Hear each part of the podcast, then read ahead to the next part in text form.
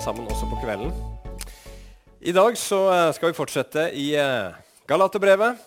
Og eh, jeg har bare lyst til å begynne med å si at da du var sånn ca. tre-fire år gammel, så var ikke du spesielt smart.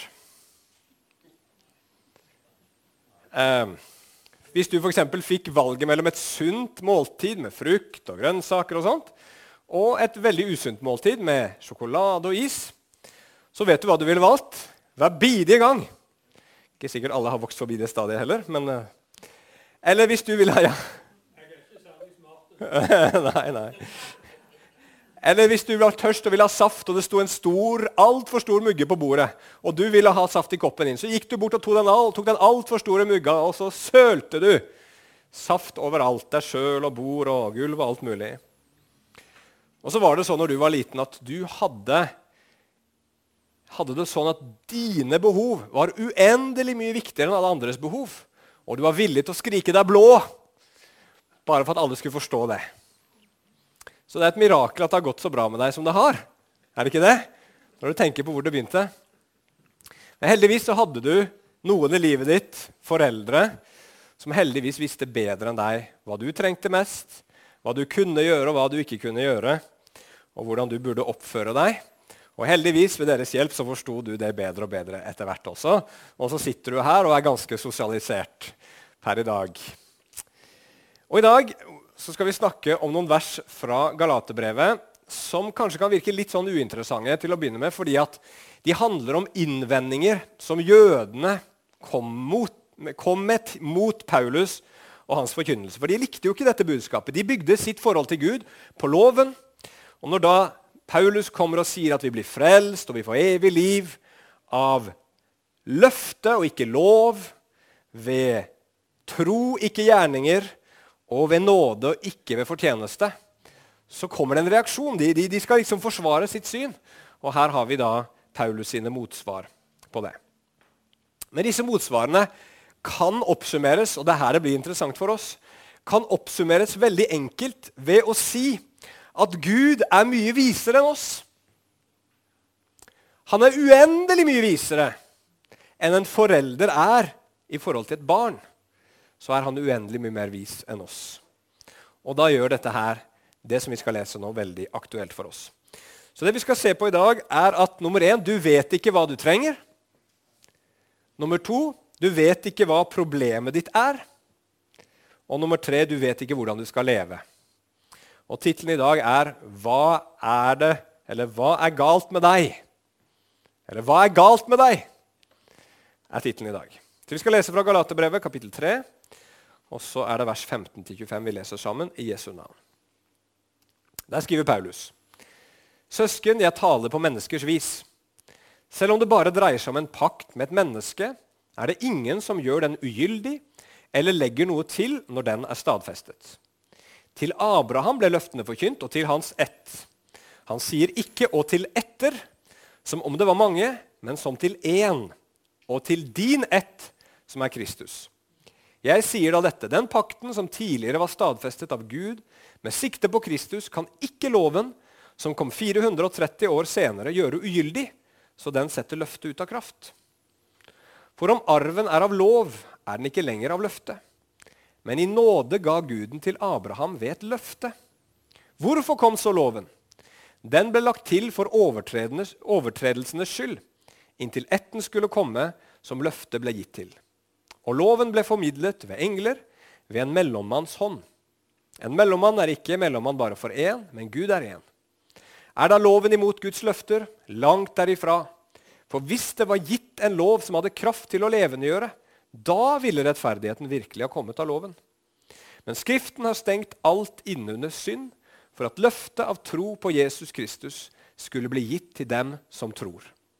Men før troen kom, ble vi holdt i varetekt under loven, innestengt med sikte på den troen som senere skulle bli åpenbart. Slik er da loven blitt vår vokter til Kristus, for at vi skulle bli rettferdiggjort av tro. Men etter at troen er kommet, er vi ikke lenger under vokteren. Ja, Far i himmelen, nå ber vi deg igjen om at Din Hellige Ånd skal åpenbare Skriftene for oss. Herre, takk at ditt ord er mat for vår sjel, mat for vårt, vårt åndelige liv. Og det gir oss styrke, Herre, til å leve dette livet her nede som du har kalt oss til. Nå ber jeg om nåde igjen, Herre, til å formidle dette klart og tydelig. Og jeg ber om at alle, at alle sammen, Herre, skal ha god jord i sine hjerter, så vi får ta imot og forstå det du vil si. I Jesu navn. Amen. Ok, Punkt nummer én du vet ikke hva du trenger. Eh, før den teksten vi leste i dag, så har Paulus argumentert for at måten Gud helt i begynnelsen planla å frelse verden da det gikk galt, det var av nåde. Ved det løftet som han ga til Abraham for nå ca. 3800 år siden, og som du kan lese om i 1. Mosebok kapittel 12. Jødene derimot, de mente at det var loven med sine bud og regler som Gud ga til Israelsfolket og Moses på Sinai, som var det Gud hadde gitt i verden for at verden skulle komme inn i rett forhold til Gud. Og For å gi et motargument mot den påstanden så kommer Paulus med en veldig enkel påstand. Nemlig at Guds løfte til Abraham kom før loven.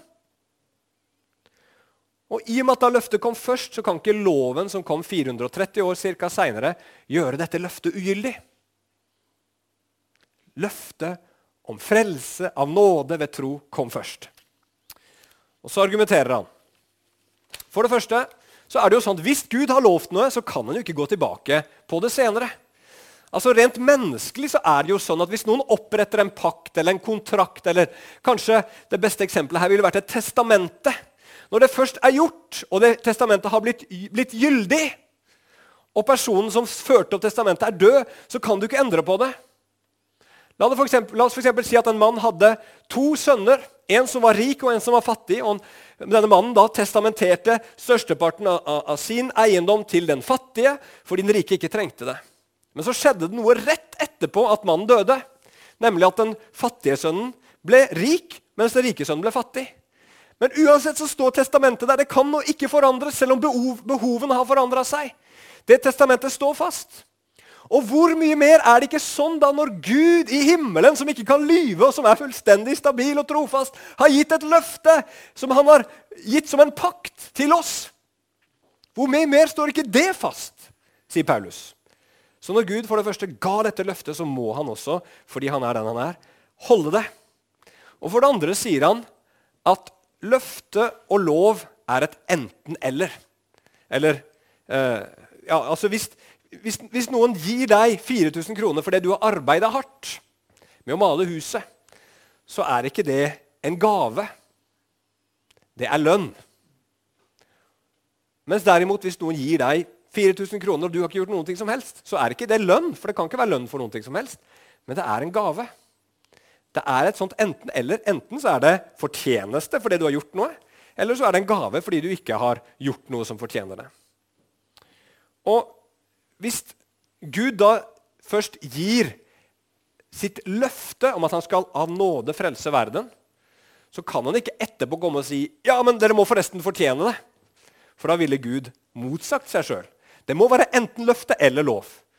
Og Gud motsier ikke seg selv. Så det Paulus prøver å forklare her, er at det alltid har vært sånn at Gud helt fra begynnelsen av ville redde oss fra våre største og dypeste problemer gjennom Jesus Kristus, som han allerede på Abrahams tid planla å sende. Og Paulus han sier her at derfor sier ikke Gud til Abraham at det skulle skje gjennom hans etter, men gjennom hans ett i entall. Hvis det hadde stått ordet 'etterkommer' der, så hadde det vært enda klarere for oss. Det kunne stått Gud sa ikke til Abraham at han skulle velsigne verden gjennom hans etterkommere, men gjennom hans etterkommer. Og hvem var det Gud hadde i tankene da? Jo, det var Jesus Kristus. Det var gjennom Jesus han skulle frelse og velsigne verden. Og Hvorfor i all verden gjorde Gud det på den måten? Hvorfor bestemte Gud helt fra starten at det var sånn han ville frelse oss? Jo, fordi Gud vet hva du trenger. Og du og jeg vet ikke det. Hvorfor bygger vi ikke et hus på sand? Jo, for å bygge et hus på sand det er å bygge på et dårlig fundament. Det kommer garantert til å gå dårlig på et eller annet tidspunkt. Hvorfor bygger ikke Gud frelsen på våre prestasjoner? Av akkurat samme grunn. Det er et dårlig grunnlag, og det kommer til å gå galt til slutt. Nå roper jeg veldig mye her, men jeg er visst litt ivrig. Hvis du har en kjetting, en fantastisk kjetting i titan Hvert eneste ledd i kjettingen er av titan, bortsett fra ett ledd, som er en binders. Så det nytter ikke hvor sterke alle de andre leddene i kjettingen er. Den kjettingen er ikke sterkere enn sitt svakeste ledd. Og Hvis Gud skulle bygge vår frelse på oss, så hadde vi vært det svake leddet som hadde svikta på et eller annet tidspunkt. Så Gud sier 'jeg skal gjøre det'. Men hvorfor i all verden er det sånn når Gud sier at han vil frelse oss, gjøre det fra start til slutt, alt vi trenger for å bli frelst, at vi da likevel må si 'jeg vil gjøre det sjøl'? Jeg tror det har å gjøre med at med en gang noen sier det, at, at 'dette her må jeg gjøre for deg', det klarer ikke du, så kjenner vi oss litt sånn nedverdiga. Vi føler oss behandla som barn. Ikke sant? Dette her, kan, kan, ikke klare dette her. Jo, jeg kan vel klare det. Men Gud vet at det er bare sånn du kan bli frelst. Og Gud vet at det er bare sånn du og jeg kan få sann fred også. Alle mennesker har mer eller mindre uro på innsiden. Noen er veldig bekymra, lett bekymra, lett urolige. Andre har litt mer is i magen. Men i de store spørsmålene som handler om er jeg virkelig god, Eh, har jeg en framtid når ting begynner å bli urolige og usikre? Eh, det sånn at, eh, er noe liv etter døden osv.? Fins det noe håp for meg? Så kommer det alltid øyeblikk for alle mennesker hvor vi begynner å bli usikre. Vi kjenner på ufred og usikkerhet. Vi vet ikke om vi er gode nok. Vi vet ikke om det skulle finnes en Gud, om han kommer til å slippe oss inn. Og, det, og Hvorfor er det sånn da at vi kjenner på denne usikkerheten? Jo, fordi vi vet at ingen av oss er helt som vi skal være. Vi vet at vi ikke er til å stole på. Vi vet at vi ikke er fullt ut tilstrekkelige. Så hvis du bygger ditt liv på deg selv, så får du aldri fred. Du kan aldri bli helt trygg. Du kan aldri finne den freden som Gud vil gi deg. Men istedenfor vil Gud gi deg og meg et anker for sjelen. Et anker for sjelen. Et uttrykk som Bibelen bruker. Og Vi ser det først hos Abraham som vi nettopp nevnte, han, han fikk dette løftet av Gud, at Gud skulle velsigne han og gi han en stor slekt. Men så leser vi videre i kapittel 15 at han blir usikker. For han har jo ingen arving, han har ingen sønn. Og så sier han, 'Hvordan kan jeg vite at du skal holde løftet ditt?' Og så Istedenfor bare trylle og gi han en, en, liksom en, en sønn der og da, så gir Gud han heller et løfte gjennom en pakt. Og En pakt det er en sånn type ubrytelig avtale det har vi sagt før her på Betel, som har den konsekvens at hvis du bryter den, så følger det med død og forbannelse. Og som en sånn illustrerende seremoni på paktens innhold så var det veldig ofte sånn at når man inngikk en pakt på den tiden, så skar man opp en rekke dyr i to, og så gikk man gjennom de, de personene da som skulle avlegge løftet. Og så var det som å si at om ikke jeg holder de løftene jeg nå har gitt, så må du gå med meg som med disse dyrene her. Og da Abraham hadde gjort det, og han liksom sikkert var klar for å gå gjennom disse dyrene og avlegge et løfte framfor Gud, så kom det istedenfor en dyp søvn over Abraham. Så han sovna. Og istedenfor gjennom disse kjøttstykkene så gikk det en brennende fakkel, står det, og en eh, rykende ovn. Hva i all verden var det? Jo, det var et bilde på Gud som tok Abrahams plass og sa hvis ikke disse løftene jeg gir, blir holdt, hvis ikke jeg holder disse løftene, så må det koste meg livet, sier han. Og Så spoler vi 2000 år fram, og så henger Jesus på et kors. Og så vet vi at Dagen før så har Jesus delt brød og vin med disiplene og sagt dette er den nye pakt i mitt blod til syndenes forlatelse. Han sier nå kommer det en ny pakt, en pakt som skal gi dere tilgivelse for alle deres synder. Men så kommer det ikke denne offerseremonien. Istedenfor blir vi vitne til noe helt annet dagen etterpå. Ikke en seremoni, symbol, som symboliserer at man liksom er, er, villig til å ta døden som straff hvis ikke løftene blir opprettholdt. Men på korset dagen etterpå så ser vi en realitet. Jesus sier ikke 'jeg vil dø for å holde dette løftet hvis det blir nødvendig'. Nei, Vi ser alle sammen at det han sier, er jeg dør i deres sted for å holde løftet om å gi dere velsignelse og tilgivelse og liv som en gave.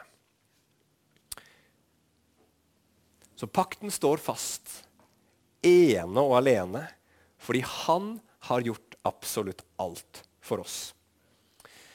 Og Det betyr mange ting, men én ting er i hvert fall veldig sikkert, og det betyr at det kan ikke du forkludre eller rote til. Og vet du hva vi mennesker trenger? Vi trenger noe sånt som det. Vi trenger noe som ikke vi kan rote til og ødelegge, men som er bygd ene og alene på den Gud er, på et fullkomment verk som Han har gjort for oss en gang for alle. Bare da kan vi få et sikkert håp for livene våre, og bare da kan vi få dyp sjelefred. Og Det er de gode nyhetene i evangeliet, og det visste Gud at vi trengte. Punkt nummer to du vet ikke hva problemet ditt er. Så Vi vet ikke hva vi trenger, vi vet heller ikke hva problemet vårt er. Og Da kommer vi til et nytt motargument som jødene eh, kom med. Og De sa at hvis Gud hele tiden hadde tenkt å frelse av nåde ved tro gjennom det løftet som han hadde gitt til Abraham, hva var da vitsen med loven? Hvorfor i all verden kom den? da? Hva, hva hadde den for en rolle? Og Vil ikke det si, hvis loven da kom, at Gud da nå motsa seg sjøl? Når han ga loven 400 år etterpå? Så det betyr at du må ha misforstått hva Gud egentlig sa til Abraham. Ellers så henger ikke det her på greip. Men da svarer Paulus Gud motsa ikke seg selv fordi da han ga loven, så hadde ikke loven som hensikt å gi mennesker liv. Det var ikke derfor loven kom. Den kom ikke for å frelse. Hvorfor kom loven da? Jo, står det her, den ble gitt for over, overtredelsenes skyld. Altså for syndenes skyld. Og den ble gitt her, sier Paulus, som et fengsel og som en vokter eller en toktemester. Og hva i all verden betyr det? Har det skjedd noen gang at noen har sagt til deg fordi du gjorde et eller annet dumt, eller sa et eller annet dumt, eller kanskje ikke gjorde noe du skulle ha gjort, eller ikke sa noe du burde ha sagt Hva er galt med deg? Eller har du noen gang tenkt med deg selv Hva er galt med meg? Og det tror jeg er eh, sikkert noe alle mennesker har hørt, og iallfall alle mennesker har følt. Og det er ikke så fryktelig vanskelig å, å, å, merke at det er noe galt med oss. Men det hjelper oss ikke så veldig mye. Hvis du sitter i bilen og, og du hører en rar lyd i motoren, eller du får motorstopp, så vet du at noe er galt. Men du vet ikke hva. Og det hjelper veldig lite, sånn som de fleste av oss da gjør, når motoren stopper, å gå ut, lukke opp panseret og kikke nedi på en motor som du ikke skjønner noen ting av likevel. Akkurat som det magisk skulle fikse motoren.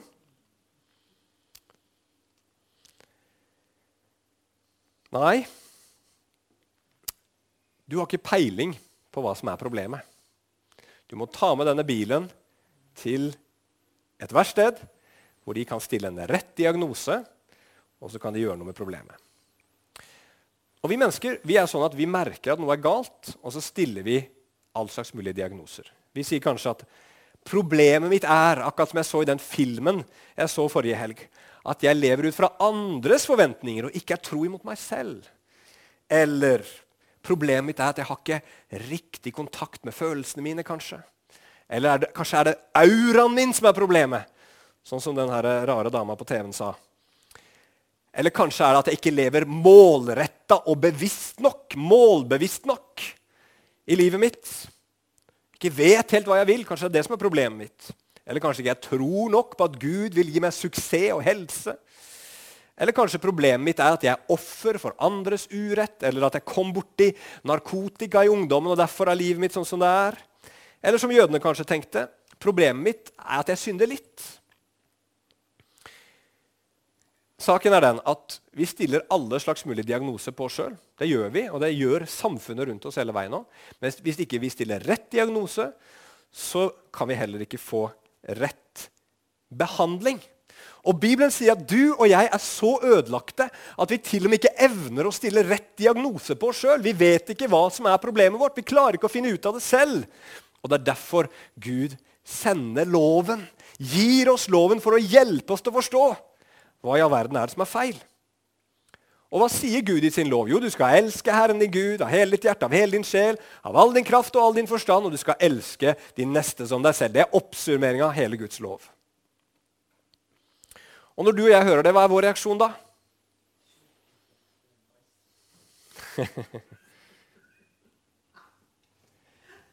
det skal jeg få til!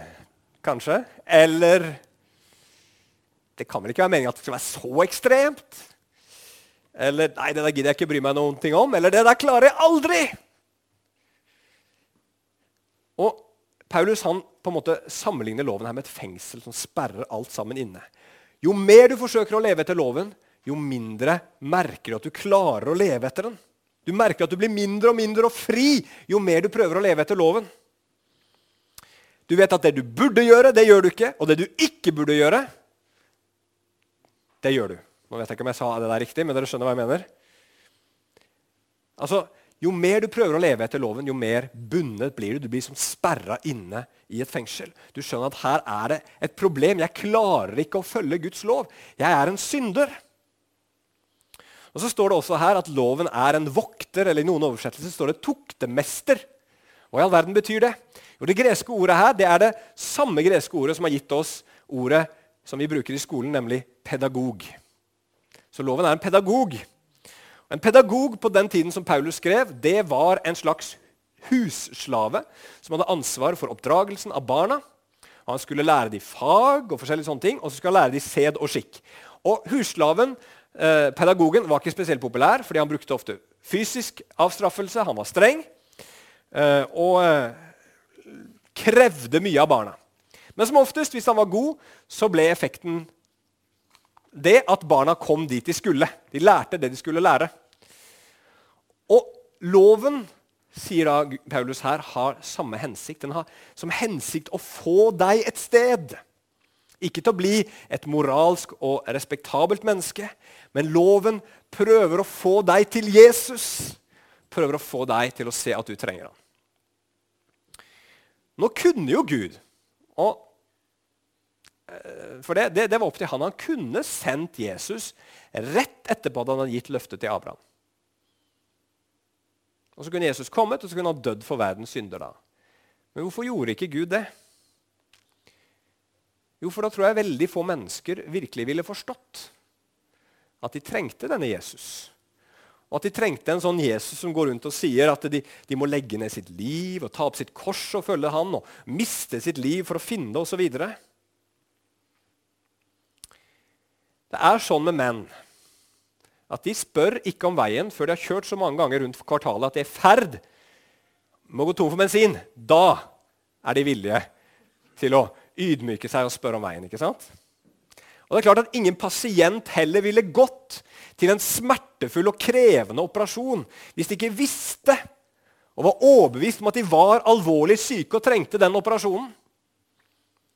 Og etter at jødene da hadde fått Guds lov og prøvd å følge den i århundre etter århundre, og de har feila og feila gang på gang, svikta igjen og igjen og igjen, skjønt at jo mye altså, Så mye som de prøvde, og så mye som de eh, forsøkte, så klarte de ikke å følge Guds gode bud. Det gikk bare ikke.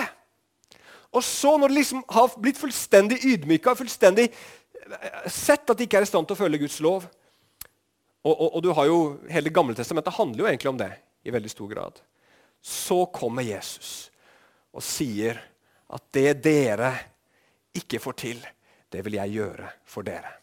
Og Det var sånn på, på, på, på Jesus sin tid at den messianske lengselen var stor. Folk skjønte at vi trenger en frelse, vi trenger noen som kan hjelpe oss. Sånn som Det gamle testamentet snakka om. Og da kom Jesus som svaret på det. Svaret på vårt problem. Det siste punktet mitt er du vet ikke hvordan du skal leve. Jeg har nevnt det her før. Det fins to konsepter, to ideer som vi mennesker har for hvordan vi bør leve, både overfor Gud, for de som tror på Han, og overfor hverandre for at verden skal bli et godt sted å være. Og Da har du den ene gruppa som sier vi trenger mindre regler, mer toleranse og mer barmhjertighet. Da blir verden et bedre sted. Det kan man si er de som vil at man skal leve uten lov. Og så har du de som sier nei, vi trenger mer regler, og vi trenger å bli flinkere til å følge dem. Det er de som Paulus her kaller de som lever under loven. Og akkurat nå er det veldig interessant, fordi vi har disse to tingene samtidig i samfunnet vårt. Når det gjelder koronaepidemien, så skal vi leve under loven. Ikke sant? Vi må følge reglene, og vi må bli flinkere. Det sier de hver eneste uke i, i, i nettavisene. Vi må bli flinkere, vi må skjerpe oss. Masse appeller. ikke sant? Løsningen på problemet er regler, og at vi er gode til å følge dem. Men hvis vi tar spørsmålet som er knytta til det med, som har med seksualitet å gjøre, helt fra den seksuelle revolusjonen begynte på 70-tallet, så er det helt motsatt. Her er det veldig, veldig få som ønsker regler. Her skal det være toleranse, åpenhet og overbærenhet. Og Vi skjønner jo hvorfor folk går litt i disse to grøftene, for det er noe sant med begge deler. Sånn hvis du har gode regler, og folk følger de gode reglene, så blir jo samfunnet bra. Gjør det ikke det? Det er også sånn at Samfunnet blir bra hvis vi er litt mer tolerante og barmhjertige overfor hverandre. Det er også en god ting i et samfunn.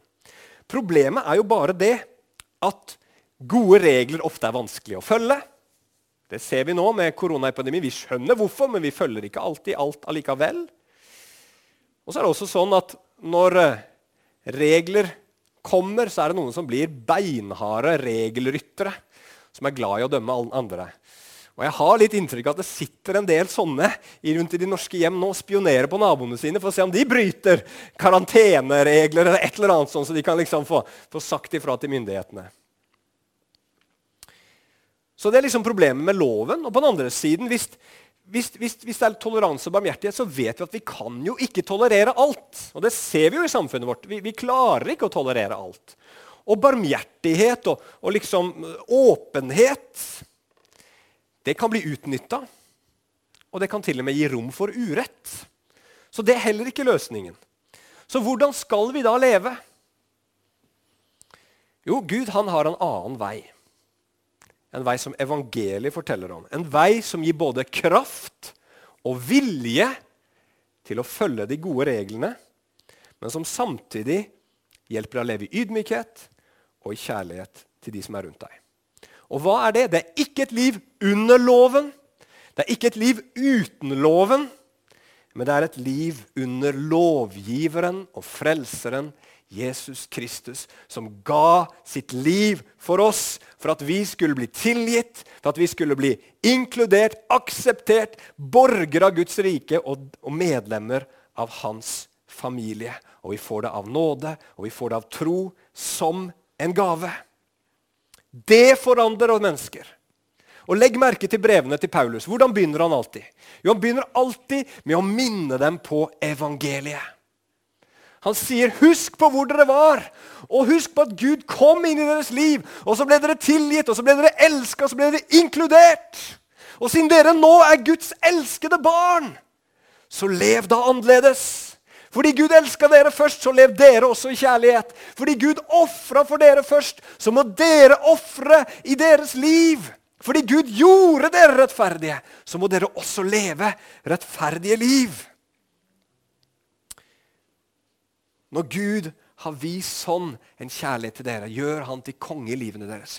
Hele veien så argumenterer Paulus på den måten. For det er nemlig bare i evangeliet at du kan overvinne begjæret og lystne som vi mennesker kjenner på. Det er bare i evangeliet vi kan overvinne den nervøse jakten på trygghet som vi som ofte har, og den, det desperate behovet etter kjærlighet og anerkjennelse og bekreftelse. Og det behovet der fyller Gud ved at vi gjennom evangeliet får fellesskap med Gud i Den hellige ånd. Da får du det som ditt hjerte dypt begjærer, og som gir seg utslag i så mange forskjellige destruktive ting. Men hos Gud, i fellesskap med Han, så blir hjertet ditt fylt. Og da får du ikke lenger den den, den, den, da blir ikke den lengselen så stor og så sterk lenger. Da kan du overvinne den.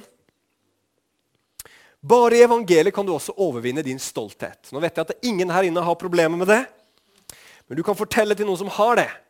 Og Det fine med evangeliet er jo det at du får høre for det første at du er mye verre enn du tror, og du er så ille at Gud måtte sende sin sønn for å dø for dine synder, for at det skulle være noe som helst håp for deg. Det får deg ned fra din høye hest. Men det gjør ikke at du går helt i bunnen, i selvforakt. For at du får samtidig høre at du er høyt elska. Så høyt elska at Jesus faktisk døde for deg. Så at du skulle bli inkludert i Guds familie og elska av ham i all evighet. Da blir du løfta opp til en sunn ydmykhet, og der vil Gud ha deg. Langt borte fra den skylden og skammen som vi ser, som mye av vårt samfunn lever i dag. Løfta opp, men ikke der hvor vi hever oss over andre mennesker. Og så er det også sånn at det er bare evangeliet som gir deg lyst og vilje til å leve etter Guds gode bud. Også når det er vanskelig. Hvorfor det? Jeg tenker i hvert fall på to ting. For det første så har du vel skjønt når du har forstått evangeliet, at Gud virkelig er god og vis. Han er så god at han ga sin sønn for deg. Han er så vis at gjennom å ofre seg selv så kunne han frelse oss. Gjennom vår ondskap mot Jesus på korset så kunne han frelse. Og når han er så god og han er så vis, så fins det jo ingen bedre som vi kan bøye våre liv for å lytte til. Det er jo han vi må lytte til, ikke alle de andre.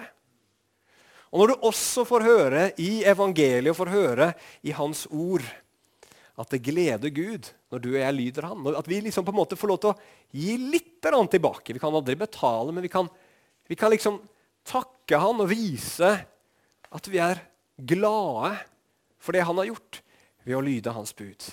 Det også gir en glede og en mening i det å leve sånn som vi skal. Så hvordan kan vi leve rett? Ikke under loven, ikke uten loven, men under Kristus og i Kristus. Da lærer vi Guds vilje å kjenne, Guds bud å kjenne. Og så blir vi motivert til å leve sånn som Gud vil, ved at vi stadig vekk får høre evangeliet. Og det er så viktig. Derfor er det viktig å ha en sånn plass som det her. Derfor er det så viktig med menighet. dere. For menighet er en plass hvor vi kommer sammen, og Den hellige ånd bruker de som har fått gaven til det, til å forkynne evangeliet for oss, så at vi kan bli minna på det stadig vekk. For vet du hva? Som en synder så er din vanlige operasjonsmåte å tenke ut ifra lov. At du må leve på den måten som, som, som du tenker er den rette standarden for å bli god nok, for å få fred, for at ditt liv skal være ok. Og Da trenger vi å høre evangeliet om og om igjen. At det er Gud som har gjort alt for oss. Sånn at vi kan hvile i det. Sånn at vi kan vite at vi er elska, selv når ikke livet går sånn som vi har tenkt. Så får vi ny start, og så får vi ny, nytt mot og ny vilje til å leve for Gud og med Gud. Amen. Så hva er det som er galt med deg? Og hva er galt med meg? Jo, det som er galt med oss, er at vi ikke skjønner hva vi trenger. Vi trenger en frelse som er bare av nåde. Og det har Gud gitt oss. Hva er det som er galt med oss? Vi skjønner ikke hva problemet vårt er. Men Gud åpenbarer det gjennom sitt ord at det er synden som skiller oss fra Han. Det er det som er problemet vårt, ikke alt det andre livet. Det er bare kan du si, uh, konsekvenser av det dype, originale problemet. At vi har kommet bort fra Gud pga. synd. Men så forteller Gud oss det for å vise at han har løst det problemet i Jesus Kristus. Ved å ta bort vår synd på korset. Og det siste som er galt med oss, er at vi vet ikke hvordan vi skal leve. Men Gud åpenbarer det også i sitt ord, gjennom Paulus her og mange andre steder. At vi lever som vi skal leve, ved å stadig vekk høre de gode nyhetene. Bli minna på de om igjen og om igjen og om igjen. Til hjertet blir forvandla og forandra, og det viser seg i våre liv. Amen. La oss be.